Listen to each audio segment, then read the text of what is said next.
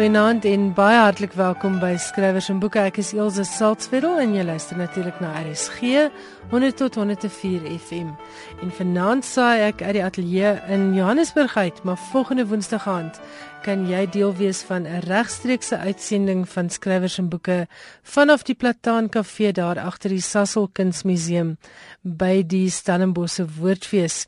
So maak 'n aantekening, kom maak gerus 'n draai, dit is gratis. Ek is volgende Woensdag gaan tussen 8 en 9 met skrywers en boeke en 'n paar gaste by die Stellenbosse Woordfees. Ons het vanaand so klein bietjie minder tyd as gewoonlik, so ek val dadelik weg met ons eerste gas.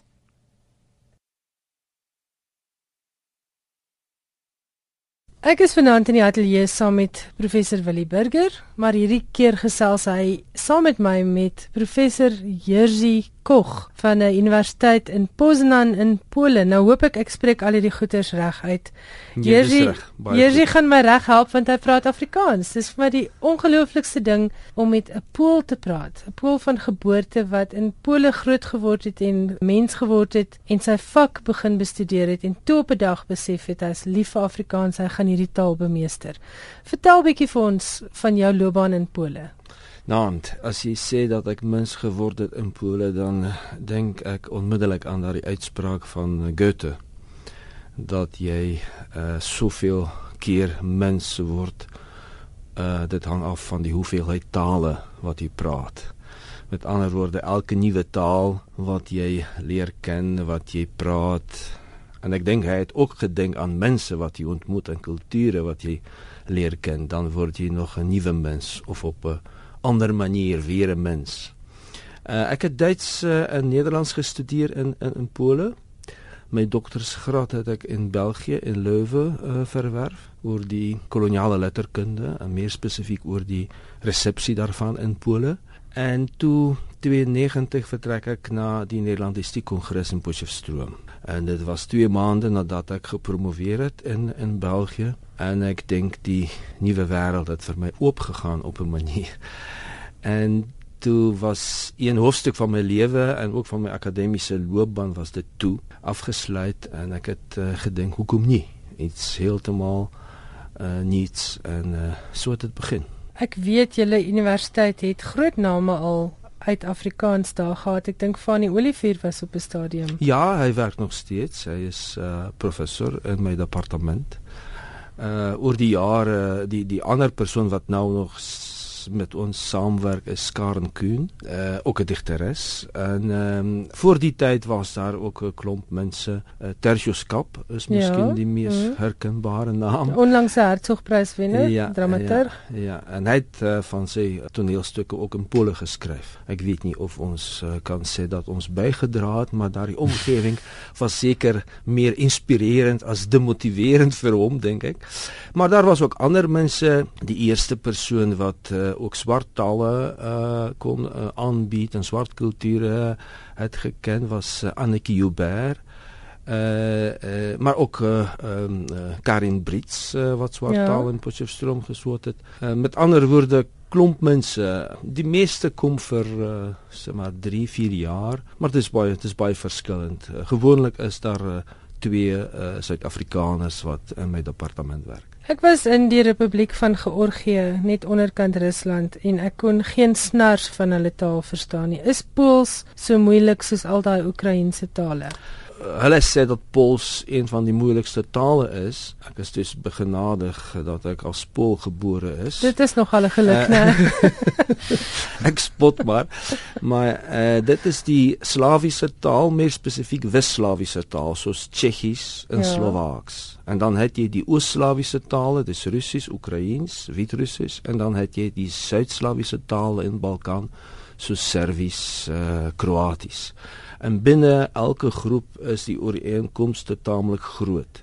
Daar is net 'n groot verskil dat 'n deel van die tale latynse karakters gebruik soos Pole en Tsjechië, uh omdat die Christendom is oorgeneem vanuit Rome en uh, dan het jy Russe of Bulgare of Serviërs wat uh, ortodoks is uh, in hulle religie en hulle dit uit Byzantium oorgeneem. Or, or, or, dis die rede hoekom hulle die Kyrilliese alfabet gebruik.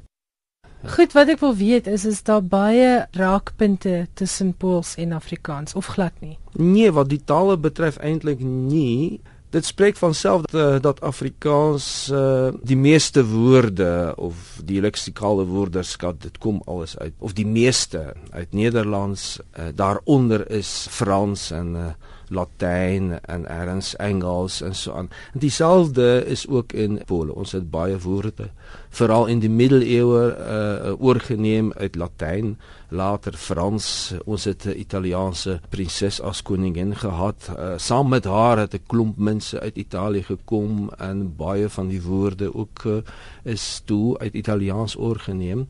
En vandag natuurlik ook Duits en ek bedoel die 20ste eeu en die jongste periode meer Engels. Dit is ja. die vreemde invloede wat elke taal beleef en elke taal verwerk op haar eie manier. Behalwe dat jy nou die taal so liefhet en vlot praat, het jy nou ook 'n baie belangrike boek geskryf, A History of South African Literature, Afrikaans Literature 17th to 19th Centuries en dis hoekom ek vir Willie hier het want Willie lei met jou die gesprekke wat jy nou by die verskillende Suid-Afrikaanse universiteite hier in die noorde het.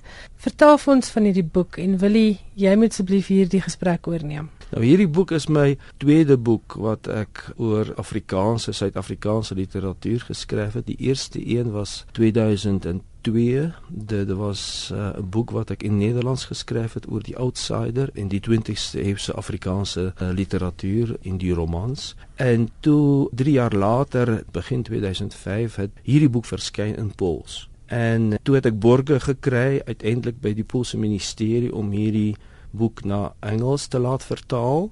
Daar is 'n spesiale projek en jy kan daar aansoek voorlê vir geld. En die idee is dat uh, menswetenskappe in Pole, veral boeke, maar ook tydskrifte wat in Pools verskyn, meer bekendheid verwerf in die buiteland. En dit wil sê dat hulle vertaal word gewoonlik in ander kongrestale en uh, Engels lê vir die hand. En my idee was om die boek uh, hier te publiseer. Die boek is vertaal en verlede jaar het dit by van Skyk uh, uitgekom in die Talatala reeks wat die departement Afrikaans van Universiteit van Pretoria lei. Willie, dis nou jou beurt. Jy moet asseblief met vir ons luisteraars ook sê en vir my, wat maak hierdie boek van so groot waarde vir Afrikaans? Baie dankie. Daar bestaan natuurlik reeds geskiedenisse van Afrikaanse literatuur en almal dink dadelik aan John Kannemeyer se geskiedenis van die Afrikaanse literatuur wat vir baie jare kritiseer is, maar deur almal gebruik word en uitstaan. Daar's die perspektief en profiel projek wat bestaan. En dan is daar ook van die ouer literatuurgeskiedenisse wat in die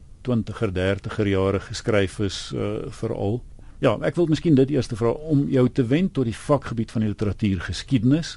Mhm. Ehm um, jy kon soos wat jy gewerk het oor die outsider aspekte van romans of wat ook al gekies het en daarop gefokus het, maar jy het besluit om geskiedenis, die literatuur geskiedenis as vakgebied te neem. Hoe het jy daarbey uitgekom? Eh, deur my klasse. Klas gee vir Poolse studente, aanvanklik uitsluitlik studente wat Nederlands studeer en later ook studente Engels. Dit was 'n uh, baie groot uitdaging. Hulle weet baie min oor Suid-Afrika en wat hulle weet is of baie stereotyp of verkeerd. Met ander woorde, jy moet dit op 'n bepaalde manier regstel, 'n nuwe inligting verskaf om die literatuur te kontekstualiseer binne die geskiedenis en ander kunste. Dit het ek van die begin af uh, gedoen en te gelykertyd het ek self geleer in die vak bestudeer. Daardie studie oor die outsider was my habilitasionskrif. Ons het die ou Duitse stelsel na jou proefskrif moet jy nog 'n ander boek publiseer om professor te word. Toe het ek besluit op die outsider, maar toe die boek uit was, toe was ek met leë hande. Jy weet, die boek was na die uitgewer. Jy het vir jare daaraan gewerk en nou is dit leë ure. En toe het ek besluit eintlik ek so baie notas is en ook ervaring met hoe verduidelik 'n mens vir nie Suid-Afrikaners literatuur. En toe het ek aan 'n boek uh, begin skryf en binne 2 jaar was dit klaar. Nou baie mense sal moontlik verbaas wees, dis 'n heel dikke boek en um, dit is net die geskiedenis van Afrikaans literatuur 17de tot die 19de eeu. Ja. En jy dek eintlik net die periode tot die begin van die 20ste ja. eeu. en en vir baie mense bestaan Afrikaans eintlik maar pas eers sedert uh, die 20ste eeu se begin en dat daar so baie te skryf is as mens gaan kyk na die soort standaard geskiedenisse van Afrikaanse literatuur word daar meestal oor hierdie eerste 300 jaar maar so 'n paar bladsytjies geskryf. Ja. Wat het jou laat besluit dat hier veel meer is? Hieronder lê tog 'n ander beskouing van wat 'n literatuurgeskiedenis is as dit wat uh, byvoorbeeld die bekende Kannemeyer werk onder lê. Daar is 'n uitdrukking jy staan op die skouers van die voorvaders, jy weet, die ouens, die korifeë, die ander auteurs, ehm uh, jy skryf nie vanuit 'n niet nie. Daar is vir jou ook uh, in my geval tog decennia baie harde werk en ook uh, ander literêr historiese sinteses. Maar toe het ek ook in my eie onderwyspraktyk ontdek dat daar verskillende benaderings is wat ek nie kan toepas nie. Die eerste een is die Nederlanders. Hulle kyk na die Suid-Afrikaanse literatuur en die Nederlandse tekste is vir hulle 'n deel van hulle eie kultuur en literatuur. Daar is ander mense wat sê nee, die Nederlandse tekste in Suid-Afrika vorm eintlik 'n ander soort literatuur. Dis die Suid-Afrikaanse Nederlandstalige letterkunde. Baie Afrikaanse auteurs, soos Kahneman byvoorbeeld, beskou eintlik die Nederlandse tradisie net as 'n aanloop tot die ware, die egte letterkunde wat met die uh, emansipasie van uh, van Afrikaans begin het. Aan die ander kant is daar Angelsaksiese tradisie waar uh, baie gefokus word op 'n uh, soort ek wil nie sê reënboog tradisie, maar die idee dat jy al verskillende Suid-Afrikaanse literêre tradisies in een verhaal kan vertel. Dis nou soos die Cambridge Companion van Atwill and Attridge of Chapman ja, se pogings. Ja, presies, ja. Ek dink dit is 'n uh, baie waardevolle pogings, maar daar is iets wat ek mis. Daar is uh, by my wete nie 'n goeie formule om so 'n verhaal te skryf want literatuur geskiedenis met nadruk op geskiedenis is 'n verhaal. Die grootste uitdaging van die outeur is hoe maak ek verhaal op basis van verhale van ander mense se boeke. Hmm moet ek ook 'n boek skryf wat ander mense gaan lees en wat lineêr is. Hm. Dikwels as jy so baie tradisies vat, dit val uit een en verskillende hoofstukkies, maar dit is geen sintese of daar is net 'n poging. Nou, my poging is om meer as een, met ander woorde nie net Afrikaanse tradisie te neem, maar Nederlandse en Afrikaanse tradisies, die twee tale wat ek praat in die twee tradisies wat ek ook het leer ken. Ek kan nie oor Sanse orale tradisies skryf want ek ken die taal nie. Hmm. En as ek terugval op Engelse en Duitse vertalings, selfs op versamelings soos van Bleek, dit help jou, maar ek sal dit nooit uh, nooit waag nie. Eh, nou terwyl dit 'n verhaal is wat jy vertel, hoe besluit mens wat is die beginpunt van jou verhaal en wat het jy as beginpunt vir jou verhaal gekies? Want waar begin hier die Suid-Afrikaanse Afrikaanse letterkunde dan eintlik? Ek het uh, gekies vir 'n uh, kom ons sê ek problematiseer die begin hmm. en die inleiding. Uh, ek maak dit vir die leser moeiliker maar aan die ander kant ook is dit gemakliker. Uh, die leser moet weet dat daar probleme is waar lê die begin van die Suid-Afrikaanse letterkunde en uh, as jy die twee tradisies neem die Nederlandstalige en die Afrikaanstalige dan het jy natuurlik uh, van Riebeck se dagverhaal. Daarvoor het jy nog posklippe waarop in Engels en en en ook in Nederlands geskryf is. Daaronder vir die en die van die en die lê 'n brief en uh, jy moet dit vat. Hulle het later ook Koi se hofmanne gebruik om die briewe deur te gee aan aan volgende skepe. Dit is baie moeilik as jy begin met net met Afrikaans dan is dit baie moeilik om daardie jaar 0 te sit. Dis hoekom uh vir my van selfsprekend was dat ek die twee tradisies bymekaar vat. Met ander woorde, ek sluit ander tradisie nie, maar ek het besluit kom ek skryf en in daardie skryfproses probeer ek te ontdek of dit moontlik is om 'n model uit te werk hoe maak jy 'n verhaal op basis van twee literêre tradisies. Natuurlik die deel 2 wat die eerste 30 jaar van die 20ste uh, eeu omvat is al klaar. Dit is al 3 jaar gelede in Pos gepubliseer met baie kontekste vir die hele 20ste eeu. En nou uh nou ek weet nie wanneer maar kom deel 3 wat dan sê maar die vanaf die 30ers die hele 20ste eeu uh neem. Vir my is die Afrikaanse letterkunde of die Suid-Afrikaanse literêre tradisie 'n soort uitdaging ek uh, beskou dit as 'n soort laboratorium en ek wonder hoekom ander mense baklei oor sekere ideologiese goed terwyl dit so maklik is om te sê soos die taalkundiges al desennia lank Afrikaans bestudeer ook mense uit Nederland, uit Amerika, uit Duitsland. Hulle beskaal Afrikaanse taal as 'n laboratorium. Jy kan verskillende teorieë sê maar loslaat op die gegewe soos die taal is. Jy kan verskillende modelle probeer of hulle werk. Maar dieselfde kan jy doen met Afrikaanse letterkunde. Dit is 'n kort tradisie as jy dit met die sê maar Duitse literêre tradisie vergelyk. Dis hoekom dit oorsigteliker is en jy kan dit ook beskou as 'n soort lap. Kan ek iets vra?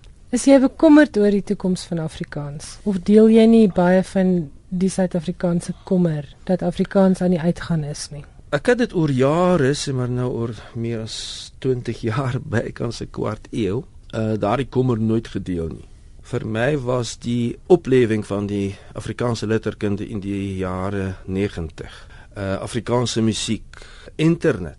Ek weet nog uh, toe ek uh mense begin jare 90 uitgevra het of daar 'n uh, uh, teksverwerker soos die Hollanders dit noem, die Word en en Afrikaans sal bestaan. Hulle het gesê nee, die mark is te klein. Nou sien jy dat die groot maatskappye ook programme ontwikkel ja. vir Afrikaans en Afrikaans blom op internet.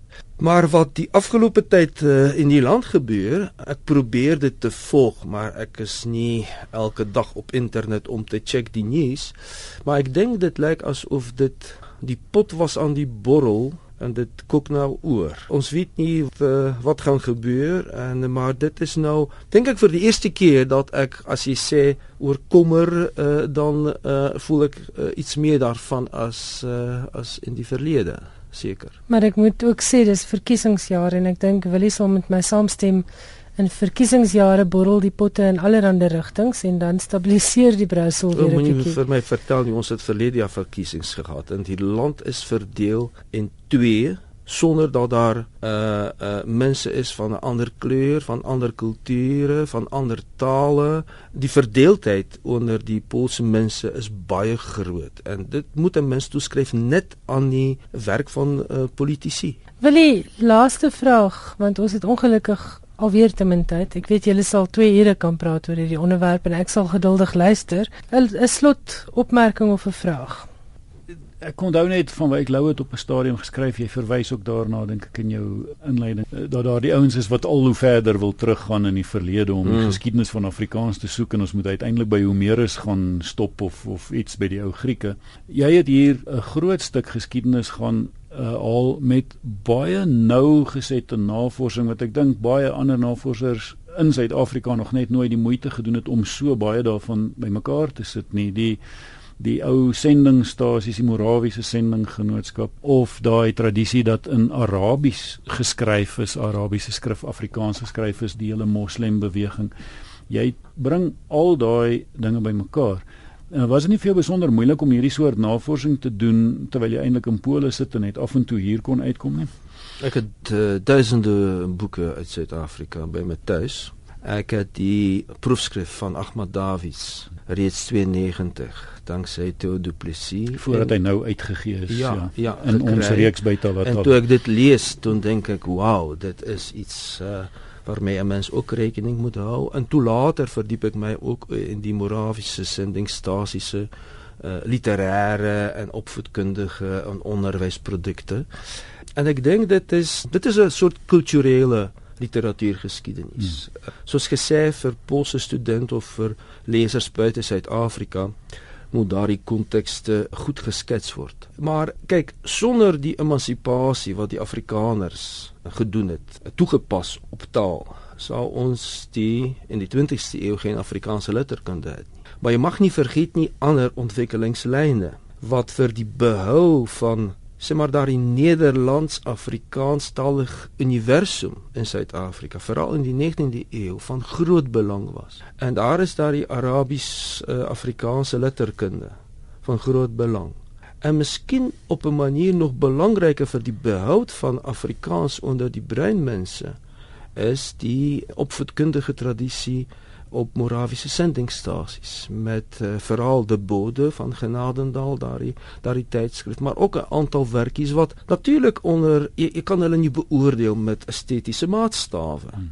maar uh, uh, wie beoordeel nou uh, uh, uh, in literatuurgeskiedenis uh, alles met 'n estetiese maatstawe dis ontwikkelingslyne wat baie belangrik is vanuit daardie geskiedkundige en uh, kulturele standpunt. As jy net na 'n uh, literatuur kyk, dan sien jy dat daar die Afrikaner, Afrikaanse tradisie uh, verder ontwikkel is in die 20ste eeu. Maar die ander tradisies het bestaan en het ook hulle bloeityd gehad hulle moet ook baie goed geanaliseer word. Om regverdig te wees moet hulle ook in 'n boek opgeneem word. Ja. en ek dink dit is miskien die die nuwe of die die ander visie van my op die Afrikaanstalige ja, literatuurgeskiedenis ek, ek dink beslis uh, dit is die groot bydrae wat ons hier het dat vir die eerste keer al hierdie tradisies ook saam nie net gebring is in 'n boek nie maar saam gedink is in 'n enkele samehangende verhaal. En wat jy gesê dit is wat 'n geskiedenis behoort te wees daai samehang hang en hier het ons dit en daarom sien ons baie uit daarna dat die volgende boek ook moet verskyn. Jy het net nou gesê dat hierdie boek baie is vir miskien Poolse lesers of wat ook al maar ek dink vir enige Afrikaanse leser is hierdie 'n belangrike boek om na te gaan kyk en dit gee 'n soort agtergrond vir die 20ste eeuse literatuur vir ons huidige situasie, vir ons politieke situasie wat jy net nou oor gepraat het oor kommer oor die taal eintlik raak hierdie mm. geskiedenis van jou al daai aspekte op 'n manier aan. En daarom is dit 'n baie groot aanwins vir die Suid-Afrikaanse letterkunde, maar ook vir die Afrikaanse letterkunde en ek dink uiteindelik ook na aanleiding van jou metodologie, jou werkswyse, is dit 'n groot bydrae eintlik tot literatuurgeskiedskrywing in die algemeen en ek hoop die boek is leesbaar. Baie beslis. Ek dink agterop het ons hierso 'n stukkie ook aangehaal wat een van die keurders van die boek en wat dit ook al versorg het professor Craig McKenzie van Universiteit van Johannesburg het gesê it's a superb book of scholarship it is thorough detailed careful and very readable ek dink ek kan maar net beamoen dit is regtig baie leesbaar omdat dit ook baie helder en logiese uiteensetting volg met 'n duidelike verantwoording van waar jy vandaan kom en hoe jy die teoretiese aspekte pak. En ek kan werklik nie wag vir jou volgende deel nie. Dankie. Hierdie entoesiastiese vegter vir Afrikaans en Suid-Afrikaanse letterkunde professor Jerzy Koch ek sukkel met daai uitspraak van sy naam. Hy is professor in Nederlandse en Suid-Afrikaanse letterkunde aan die Universiteit van Poznan in Pole. Jerzy, dit was lekker om met jou te gesels en wil baie dankie vir die kundige manier waarop jy die gesprek gelei het. Die boek is beskikbaar by Van Skyk Uitgewers. Ek sien net weer die naam, A History of South African Literature, Afrikaans Literature 17th to 19th Centuries is die subtitel. Baie dankie. Baie dankie. Ek gesels nou met Madri Victor, die koördineerder van die skrywersfees tydens die Stellenbosse Woordfees wat volgende week in Stellenbosch plaasvind. Goeienaand Madri. Hallo Elsa. Jy is hier om vir ons te vertel van die hoogtepunte en veral van die dinge waarvoor daar nog plekke beskikbaar is want ek weet 'n klomp van julle gebeurtenisse en dinge op die program is al klaar uitverkoop. So vertel vir ons waarna kan mense nog volgende week uitsien by die skrywersfees van die Woordfees? Dankie Elsa. Ja, daar is inderdaad al 'n paar goed wat uitverkoop is maar daar's ook 'n paar gesprekke waarvoor daar nog heelwat kaartjies is wat baie lekker is. Jy kan uitkyk vir Rachel Greef se gesprek oor die naaimasjien en ander verhale. Ek dink dit gaan baie interessant wees. Bettina Weingart praat oor haar nuwe roman Slaaf. Renelda Kamfer kom stel haar nuwe digbundel Hammy bekend. En ek dink dit is iets om na uit te kyk. Sy skryf vir haar ma en dit gaan baie oor die komplekse verhouding tussen ma en dogter. So ek sien nogals uit na daai gesprek dan gesels Jan Hambidge met Tinus Hon oor Boas Meyer verward.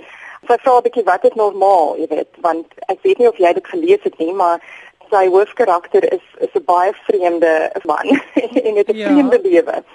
Daar's ook 'n hele paar gesprekke met verskillende skrywers in een gesprek. Dalena Tron van Huise van Papier en Debbie Loots gesels oor Split So Dalena en De Debbie is altyd natuurlik debuutskrywers en hulle kom gesels oor hulle romans en wat die wegspringplek is vir 'n debuutroman. Jy weet hoe pak jy dit aan, hoe het hulle begin, hoe hanteer hulle nou die sukses daarvan. En albei is 'n disfunksionele ouerhuis en albei daai romans. Dis reg ja, en hulle gee so half 'n uh, uiteenlopende beeld van 'n gesin. Dis my baie interessant hulle beeld mans byvoorbeeld heeltemal teenoorgestelde beelde daarvan mm. gee hulle in hulle boeke en dis ek dink dit gaan 'n lekker interessante gesprek wees met hulle.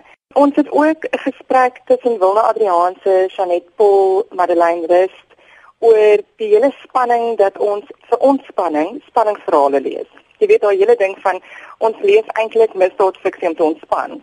Ja, doen um, en ons doen dit nou. Ons verkoop duisende van daai boeke. Ja, en ek het gedink dit gaan 'n interessante onderwerp wees. Jy weet hoekom doen ons dit? En deesdae is daar ook so 'n neiging na donkerder fiksie. Dink maar aan Gone Girl en Girl on the Train. Jy weet, hulle noem dit chic noir. Daai romans waar die hoofkarakter eintlik die mense heel naaste aan haar nie kan vertrou nie. Daai mm. mense wat jy wil vertrou of moet vertrou, soos in 'n huwelik, maar op die ou end nie kan vertrou nie. So ons praat 'n bietjie oor die hele ambivalensie daarvan. Hoekom lees ons hierdie goed? Jy weet, hoekom lees ons al die donkerder goed vir ontspanning? Dan het ons ook akteurs en sportsterre op ons program.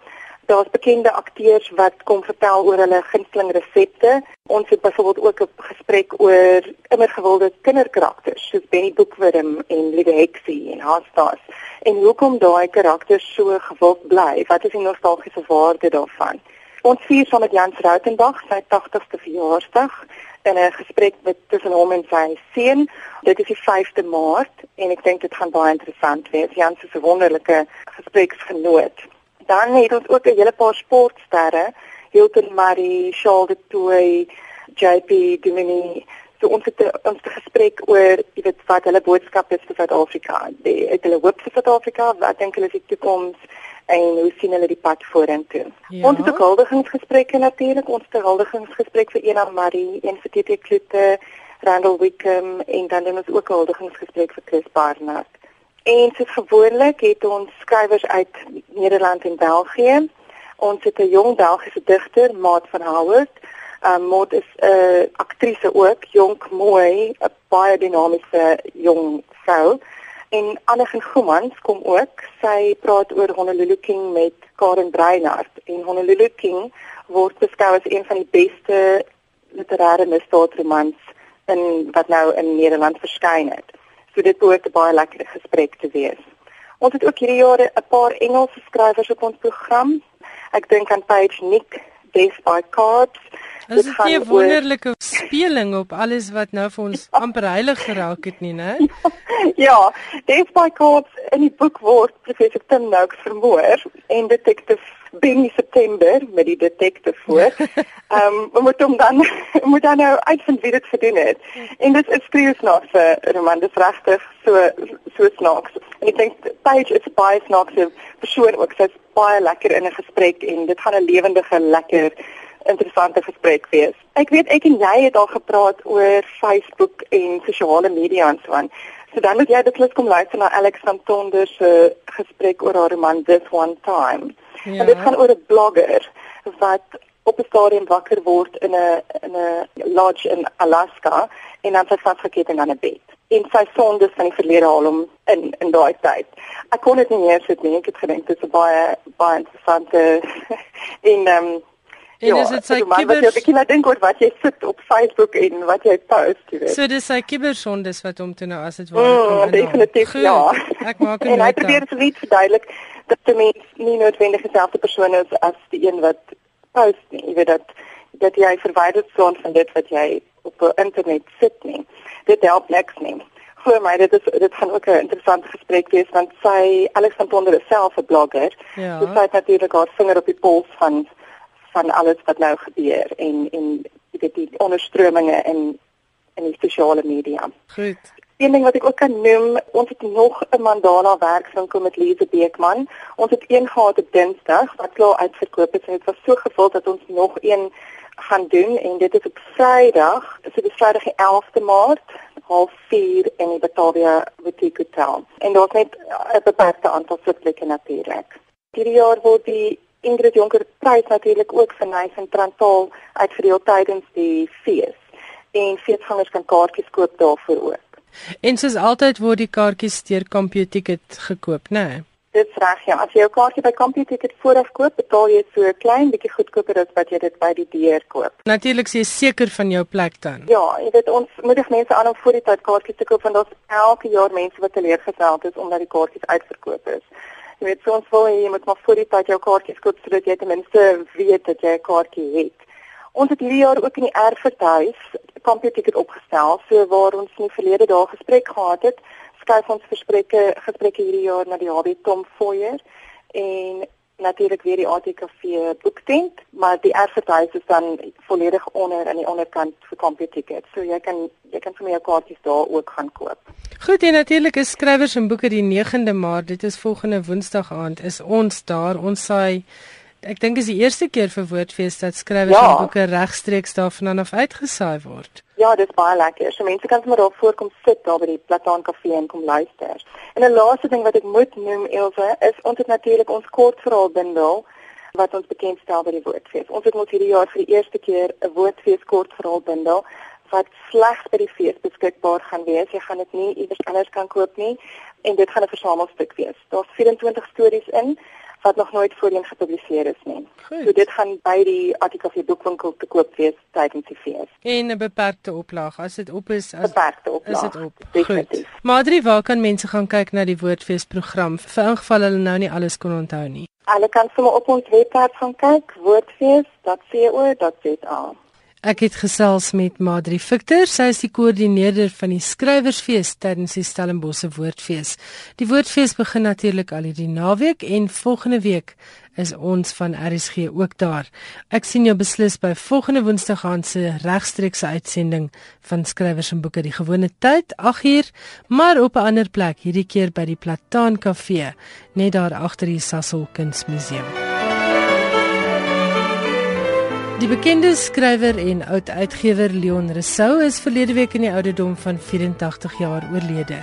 Leon sal natuurlik onthou word vir sy groot bydrae tot die Afrikaanse kinderliteratuur en ook vir sy biografie oor Eugène Marais, die groot verlange. Hier om 'n bietjie hulde te bring aan Leon Rousseau is Simone Hoog, die uitgewer wat die laaste 6 jaar ten nouste met hom saamgewerk het. Goeienaand Simone.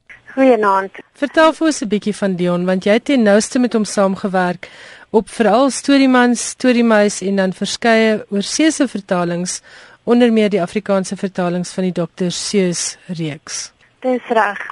Leonard sou het sy loopbaan afgeskop as joernalis by die Burger en daarna ook as vryskut joernalis, skrywer en redakteur.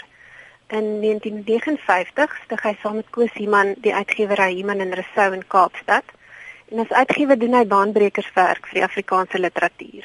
Talle belangrike publikasies vir onder die grootwerke van byvoorbeeld die 60ers het by die uitgewery verskyn.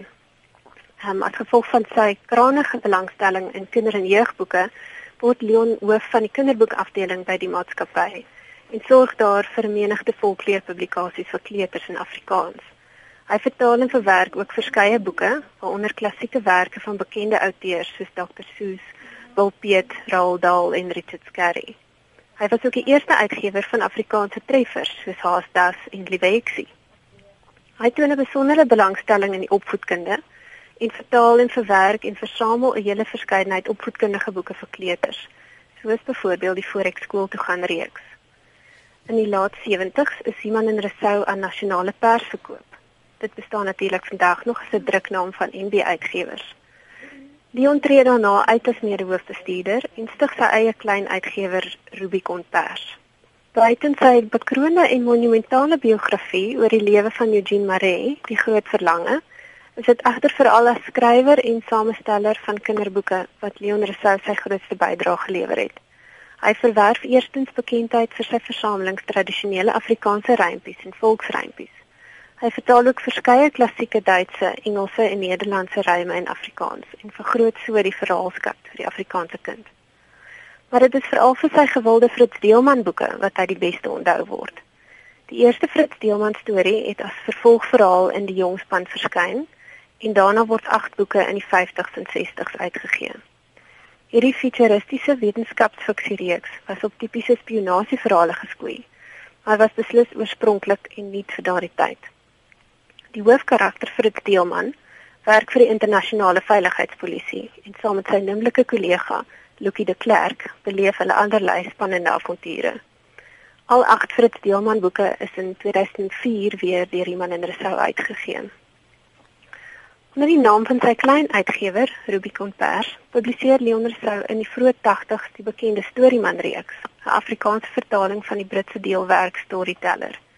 Dit was 'n multimedia reeks met kassette en later CD's waarop die stories in die boekies prettig voorgeles word, boonop met 'n handige gongslag vir die kind wat aandui wanneer die bladsy omgeblaai moet word.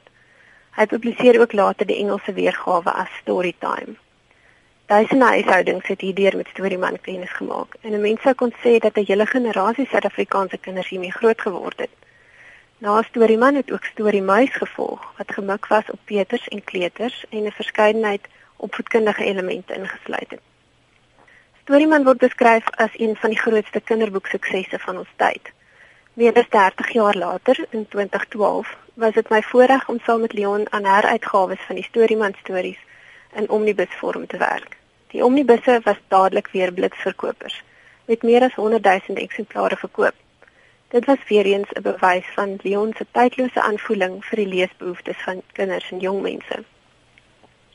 Storymeis was ongetwyfeld Leon se lieflingsprojek omdat dit op voedkundige fokus gehad het met die doel om vir die kind 'n stimulerende omgewing te skep, taalbeheer te ontwikkel en wiskundige vermoëns te bevorder. Leon het werklik daarin geglo dat enige kind as ware begaafd kan wees. Met hulle van vroegs af aan die regte elemente blootgestel en deur hulle ouers aangemoedig word.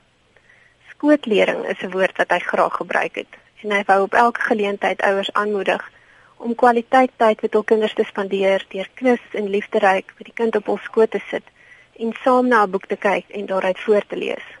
So het hy geglo kweek 'n mens by kinders se lewenslange weetgierigheid en liefde vir lees.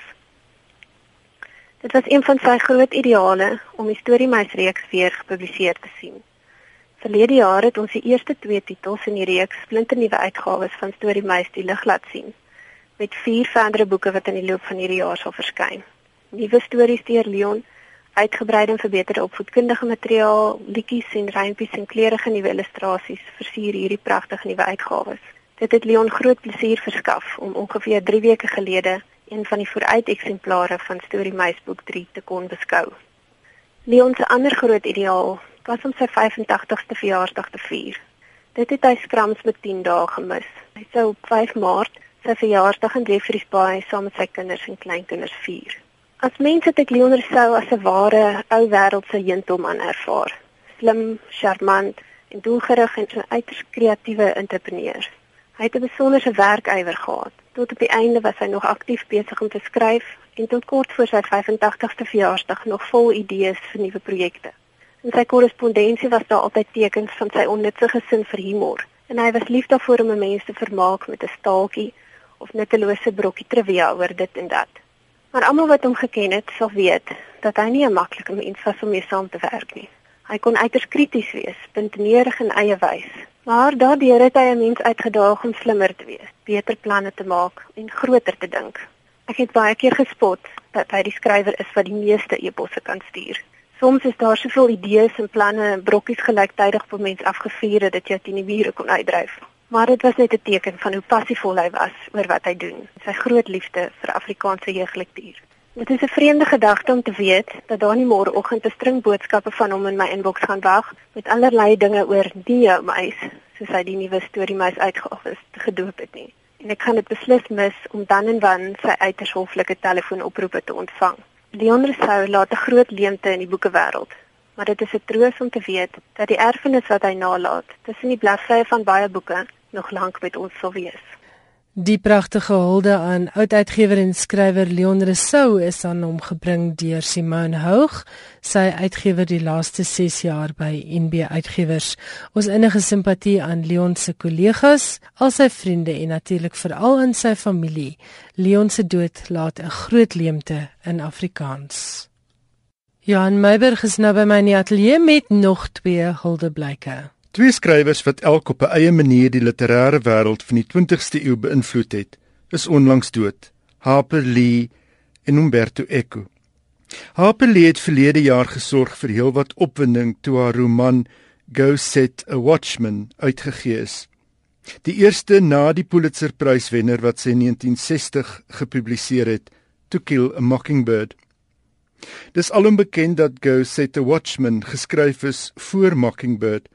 Die manuskrip van Watchman is 'n paar jaar gelede ontdek en die boek is in 2015 uitgegee.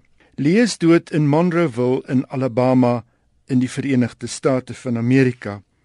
'n Dorp waar sy jare lank gewoon het. Sy was 89.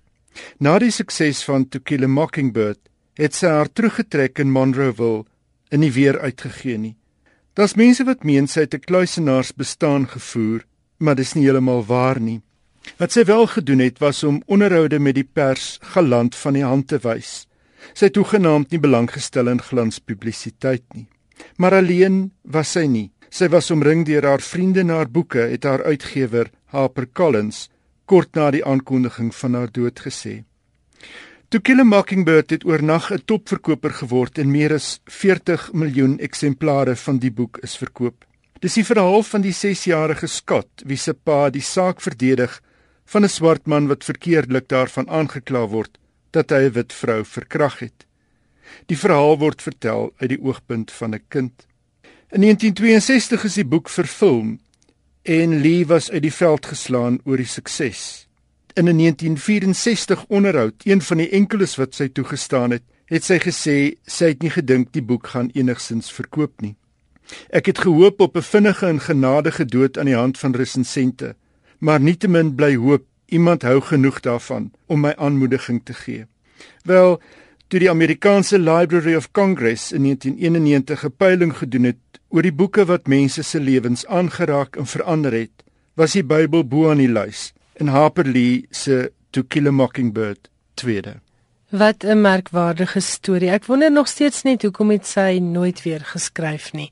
Maar in elk geval jy het nou vir ons nuus oor Umberto Eco. As 'n mens sou dink jou leser is 'n idioot, moet jy wegbly van stylfigure. Maar as jy dit gebruik en geroep voel om dit boonop te verklaar, reduseer jy metterdaad jou leser tot idioot. En dan moet jy nie verras wees as die leser, die skrywer, 'n idioot noem nie. Dis advies wat Umberto Eco gegee het vir aspirant skrywers in How to Write a Thesis, 'n dun boekie waarin die hele ekostelsel van die skryfproses te berde kom, van die keuse van 'n onderwerp tot advies oor die skryfproses. Eco is verlede maand in die ouderdom van 84 in sy huis in Milaan, Italië dood.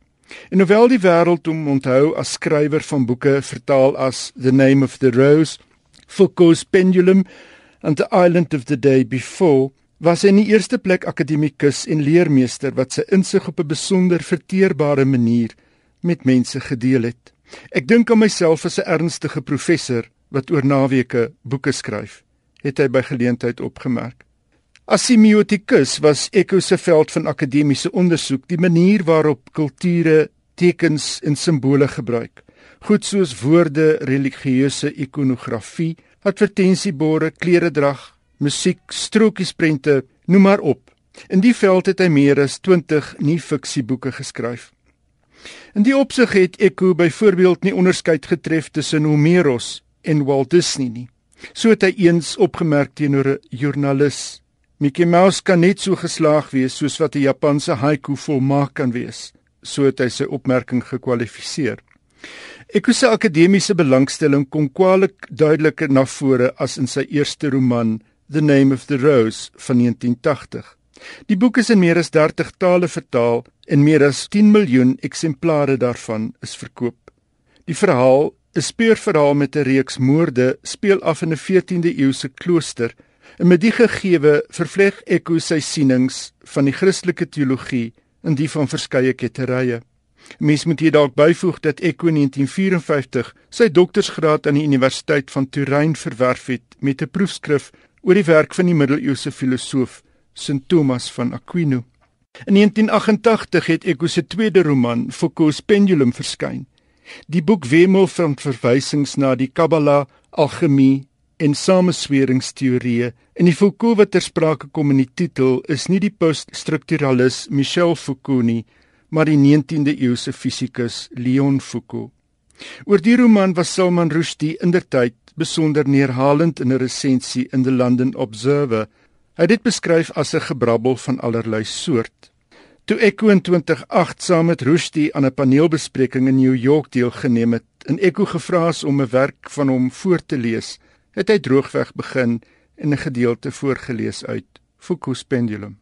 Nog vyf romans het daarna gevolg: The Island of the Day Before van 1994, Baudelaire van 2000, The Mysterious Flame of Queen Luana van 2005, The Prague Cemetery van 2010 en Numero 0 wat verlede jaar verskyn het. Die laaste roman is 'n satiriese blik op Italië se kultuur van geld onder die tafel deur 'n omkopery en boonop verken hy daarin ook die nalatenskap van fasisme. Eku was besoekende professor aan verskeie universiteite, onder meer Columbia en Harvard. En sedert 2008 was hy emeritus van die Universiteit in Bologna, die oudste universiteit in Europa. Benewens 'n woonstel in Milaan het hy vakansie naby Urbino gehad. In die woonstel het hy 'n biblioteek met meer as 30000 boeke gehad en in die Urbino huis 'n biblioteek met meer as 20000. Oor boeke het Eku opgemerk: Boeke is nie bedoel om geglo te word nie, maar om ondersoek te word. Die vraag is nie wat 'n boek sê nie, maar wat dit kan beteken. 'n Nuwe versamelbundel van Umberto Eco het pas in Italië in Italiaans verskyn. Die bundel as mens dit sou vertaal, se titel is Papa Satan Aleppe: Kronieke van 'n vloeibare samelewing. Dit sou in Mei verskyn het, maar die publikasiedatum is deur die uitgewer vervroeg. Die opstelle is alles voorheen gepubliseer gewees. Papa Satan Aleppe is die openingssin van Canto 7 van Dante se goddelike komedie. 'n Engelse vertaling van die bundel is op pad, maar 'n datum is nog nie aangekondig nie. Met Johan Meiberg silde blyke aan Harper Lee en Umberto Eco het ons dan aan die einde gekom van Finansie Skrywers en Boeke. Onthou om volgende week in te skakel want dan word Skrywers en Boeke vir die heel eerste keer regstreeks vanaf die Stellenbosse Woordfees uitgesaai. Ek is Elsje Salzveld, stuur vir 'n SMS na 34024 of stuur e-pos na skrywersenboeke@rsg.co.za en ek sien jou volgende week by die Stellenbosse Woordfees Woensdag aand om 8uur by die Plataan Kafee agter die Sasol Kunsmuseum en Neffens die ATKV boeketent. Tot dan, geniet die res van jou week en bly ingeskakel op RSG. Totsiens.